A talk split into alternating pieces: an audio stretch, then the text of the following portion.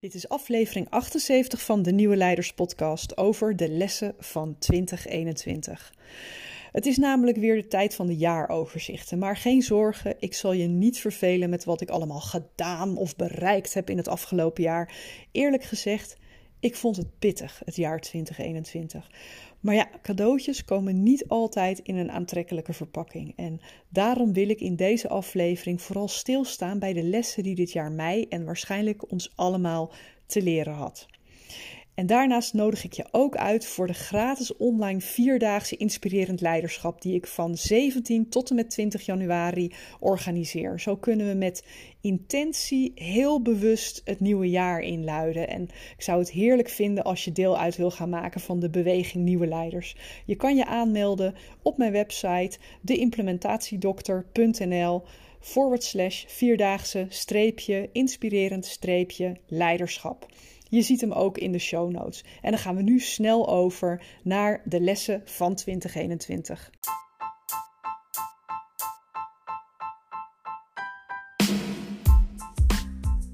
Nieuwe tijden vragen om nieuw leiderschap. Mijn naam is Petra Kuipers en vanaf deze plek neem ik je mee op onderzoek naar hoe we nieuwe vormen van leiderschap kunnen ontwikkelen in organisaties, in teams en niet in de laatste plaats bij onszelf.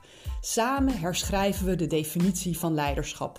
De Nieuwe Leiderspodcast is een podcast vol inspiratie en informatie voor formele en informele leiders. Let's go!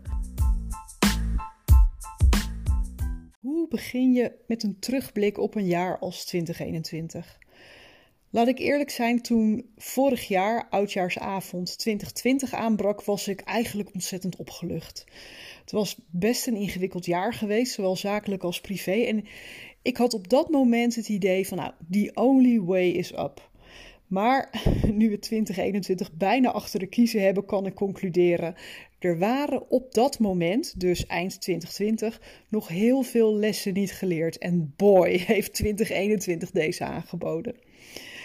Dit is mijn persoonlijke overzicht van een paar van de lessen van het afgelopen jaar die ik heel graag wil meenemen naar het nieuwe jaar.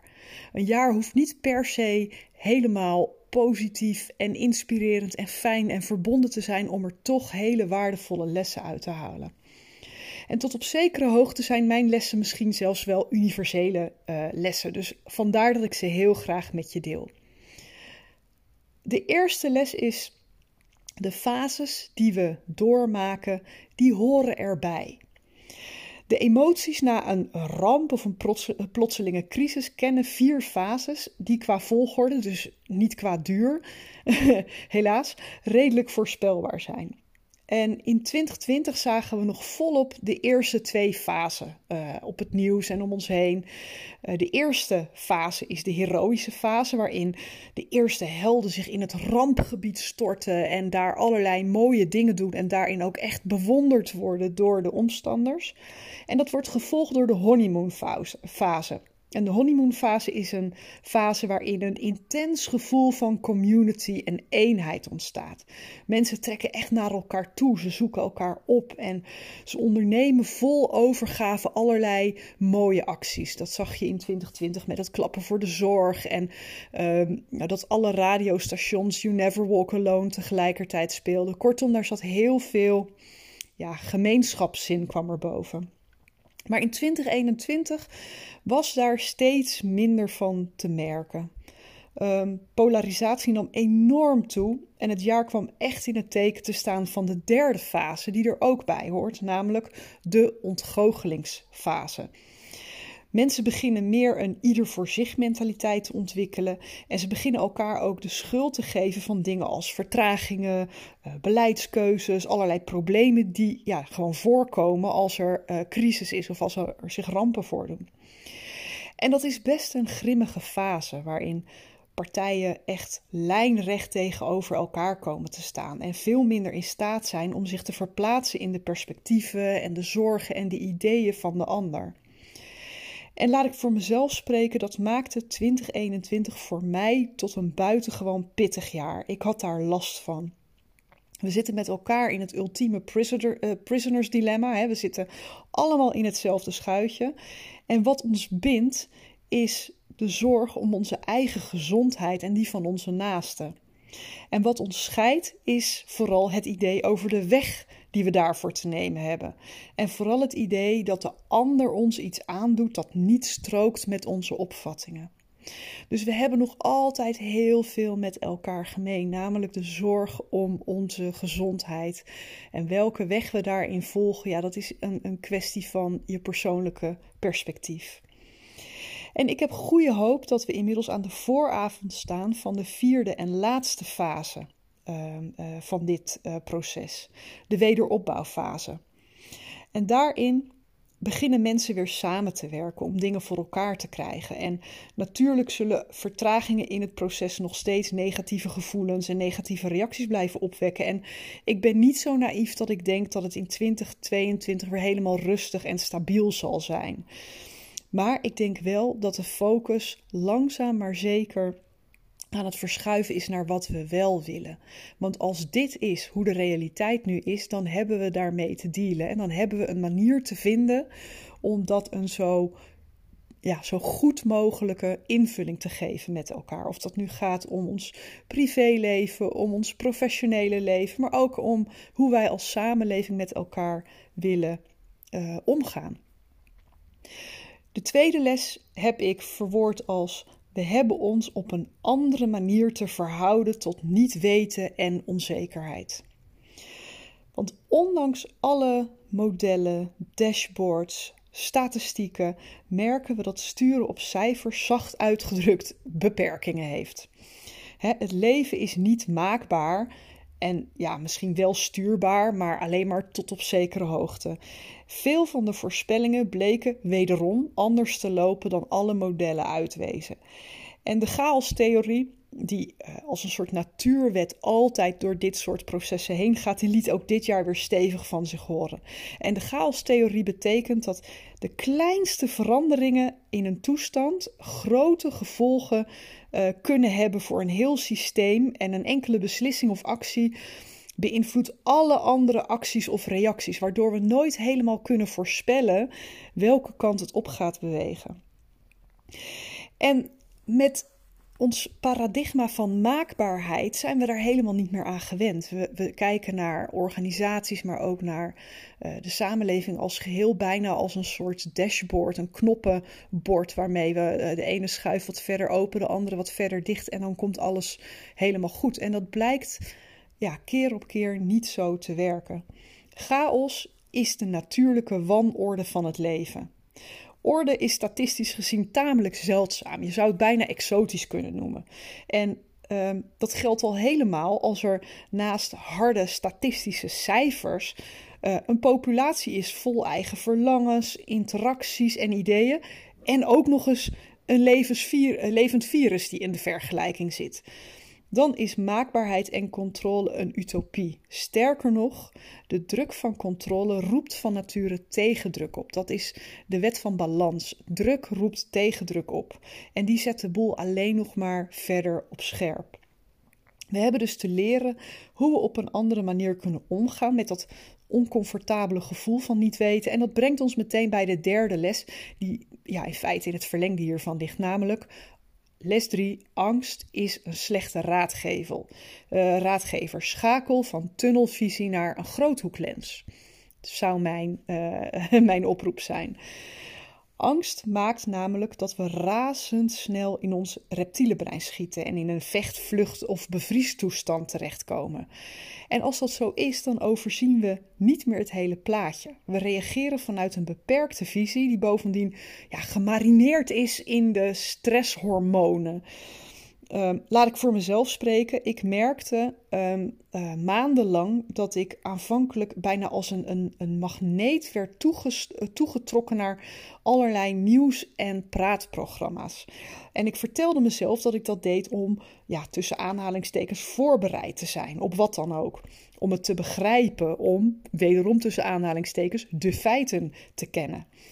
Maar niks bleek bij mij de angst zo levend te houden als dat continu herhalende mantra in het nieuws en de actualiteit over wat er allemaal misgaat in de wereld.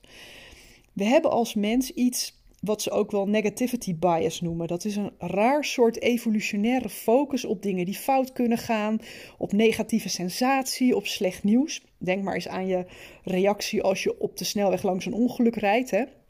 Grote kans dat je even de tijd neemt om het helemaal in je op te nemen.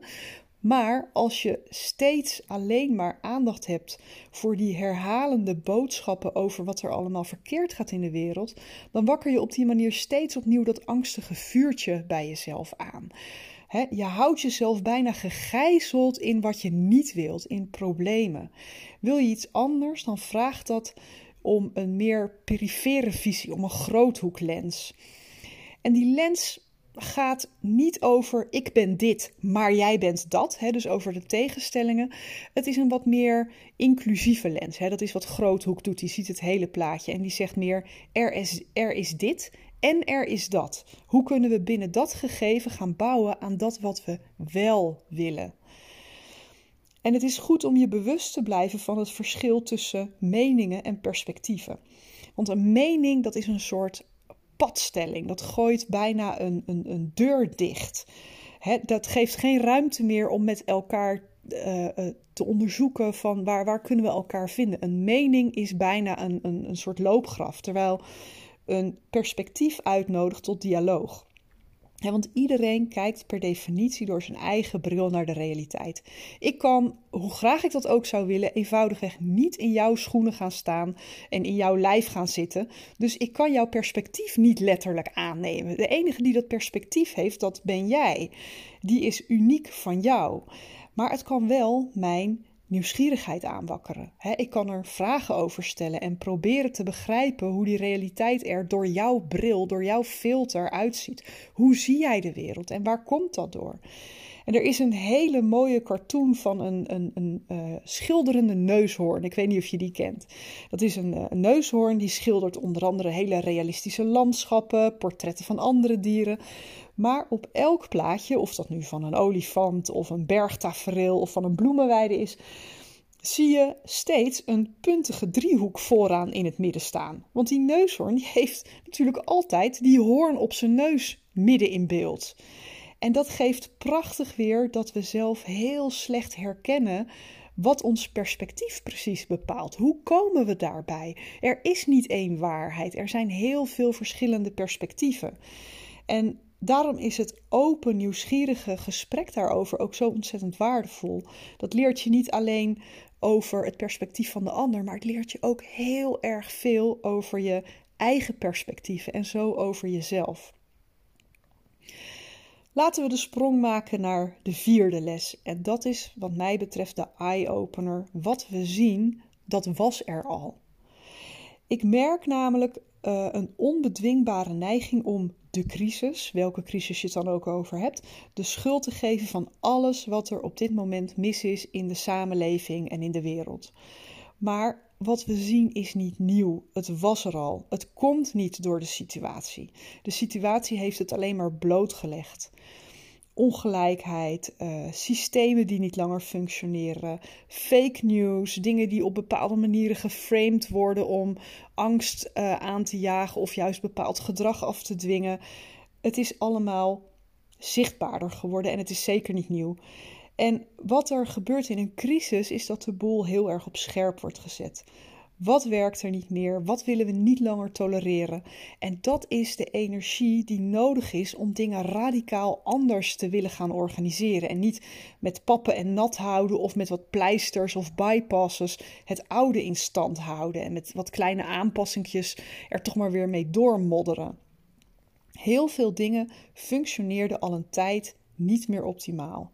Maar het ongemak of de gevoelde urgentie was gewoon niet groot genoeg om er iets aan te doen. We hadden er niet genoeg pijn of gêne of ongemak van om echt in actie te willen komen.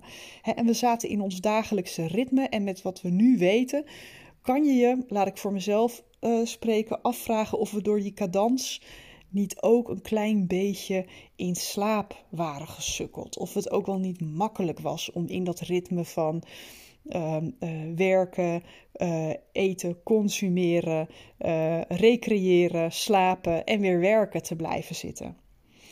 En nu zien we opeens ontzettend veel thema's tegelijkertijd op spanning komen die we ja, gewoon niet langer kunnen negeren. dingen als de toeslagenaffaire, uh, systemisch racisme en systemische ongelijkheid, doorgeschoten marktdenken in onder andere de zorg, uh, de macht van big tech bedrijven, aandeelhoudersbelangen die boven collectieve belangen zoals milieu, fair trade, duurzaamheid worden gezet. En dat is maar een hele willekeurige greep uit de thema's van het afgelopen jaar. Laat ik voor mezelf spreken, dat kan overweldigend voelen. En af en toe voel ik me machteloos in die enorme kluwe aan problemen. Maar dan denk ik aan de vijfde les die zich in 2021 heel duidelijk voor me aandiende. En dat was: we hebben meer invloed dan we denken. Veel meer invloed. Als onderdeel van de chaostheorie speelt namelijk altijd nog een beweging. En dat is het vlinder- of butterfly effect. En ehm, het voert te ver om die helemaal te gaan toelichten, maar het komt erop neer dat bepaalde acties, hoe klein en onbeduidend ze aanvankelijk ook zijn, zeer grote gevolgen en dimensies kunnen aannemen. Wij kunnen vooraf niet zien wat een klein verschil in handelen aan een enorme golf teweeg kan brengen. En verandering ontstaat door uh, invloed uit te oefenen op dat waar jij invloed op hebt. En dat hoeft echt niet meteen om de barricades of revolutie of wat dan ook te gaan. Um, wat je overkomt in het leven, daar heb je weinig invloed op. Maar hoe je daarop reageert is absoluut binnen onze eigen invloedssfeer. Blijf je hangen in de slachtoffermodus, in, in het reactieve, of kijk je naar wat is de waarde hiervan? Wat is het cadeautje erin? Wat zijn de lessen die hieruit te leren zijn? En maak je op basis daarvan andere nieuwe keuzes. Wij zijn namelijk zelf het systeem en dat vergeten we nog wel eens. Alles wat er nu is, daar hebben wij zelf een verantwoordelijkheid in. Daar hebben we aan meegebouwd. We zijn daar een onlosmakelijk onderdeel van. Als we het anders willen, dan heeft ieder van ons daarin eh, een verantwoordelijkheid te nemen. En dat kan zo klein zijn als bewuster je geld besteden. Hè? Bijvoorbeeld aan dingen die lokaal zijn, of die, die biologisch zijn, of, of die fair trade zijn. Uh, werken aan je eigen gezondheid. Hè? We kunnen allemaal uh, heel uh, chagrijnig zijn over wat er allemaal niet kan, maar we hebben altijd de keuze om aan onze eigen gezondheid te blijven werken. Je kan vaker de fiets in plaats van de auto pakken. je kan, als de wereld weer open gaat, vaker de trein in plaats van het vliegtuig nemen dat zijn uh, milieukeuzes die je kan maken. En vind je bijvoorbeeld dat er ander leiderschap nodig is, begin dan met zelf de leider te zijn die je graag had willen hebben. Het is namelijk veel effectiever om je energie te steken in het meebouwen van het nieuwe dan in het vechten tegen het oude. Wil je iets nieuws, maak het oude dan overbodig door mee te bouwen aan het nieuwe. Wat kun je binnen je eigen invloedssfeer anders gaan doen om een deel van de oplossing te zijn, in plaats van te blijven focussen op het probleem? En we vergeten wel eens dat we allemaal als een soort mycelium met onzichtbare draden aan elkaar zijn verbonden. Als je wel eens hebt gezien hoe, hoe paddenstoelen met een ondergronds netwerk van schimmeldraden met elkaar kunnen communiceren. Wij zijn niet anders. Wij zijn een soort paddenstoelen. En dat betekent dat wat ik doe of wat ik denk invloed heeft op jou en op het collectief, maar ook andersom. Wij zijn met elkaar het systeem. Als we het anders willen, dan hebben we de verantwoordelijkheid te nemen en niet naar boven te kijken totdat ze daar iets gaan doen. wie boven voor jou dan ook mag vertegenwoordigen. Leiderschap uh, staat helemaal los van rol of rang. Het gaat over verantwoordelijkheid nemen voor je eigen realiteit en welke keuzes je op basis daarvan maakt. Nou, dat zijn de vijf lessen die ik wilde delen ehm, over wat 2021 mij heeft ehm, geleerd. En wat ik eigenlijk nog steeds aan het leren en aan het integreren ben. Ik ben er nog niet. Um, ik denk niet dat we er ooit zijn, laat ik daar heel eerlijk in zijn. Er is altijd iets te leren. En wat er te leren is, komt niet altijd in in een vrolijke, vriendelijke verpakking. Soms is de verpakking op het eerste gezicht afschrikwekkend, treurig of naar. En toch kan er heel veel waarde onder die verpakking zitten.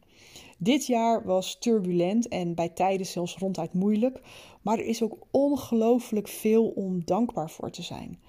Op het moment dat ik zelf stopte met me verzetten en me meer durfde over te geven aan wat er op dit moment is, kwamen er zulke bijzondere ontmoetingen en kansen en inzichten op mijn weg dat ik daar alleen maar in verwondering naar kan kijken. Ik denk niet dat dat me ooit was gebeurd als ik in het verzet was gebleven. Ehm, en eerlijk is eerlijk, alles wat we hebben is altijd dit moment. Hè? Wat gebeurd is, is gebeurd. Daar hebben we geen invloed op. De toekomst is er nog niet. En dit is het enige moment waar we invloed op hebben. En met onze gedachten en onze acties kunnen we helpen om de toekomst te laten ontvouwen op een manier die bij die acties en die gedachten past. Dus daar ligt je creatiekracht, daar ligt je vermogen om een nieuwe toekomst vorm te geven. Altijd in het nu. En eigenlijk is onze realiteit, als ik even filosofisch mag zijn, een, ja, een aaneenschakeling van nu-momenten. Ik heb voor 2022 dus ook geen doelen vastgesteld. Ik heb alleen maar voor mezelf in kaart gebracht hoe ik me wil voelen in 2022 en ik stel me open voor wat er op mijn pad komt. Wat ik wel heb besloten is dat ik heel graag van 17 tot en met 20 januari weer een gratis online vierdaagse organiseer, want ik wil dolgraag samen het nieuwe jaar met intentie beginnen. Dus als je daar aan mee wil doen, dan kan je je aanmelden via mijn website deimplementatiedokter.nl forward slash vierdaagse streepje, inspirerend streepje leiderschap. En ik zal hem ook in de show notes zetten, dan kan je hem daar even opzoeken.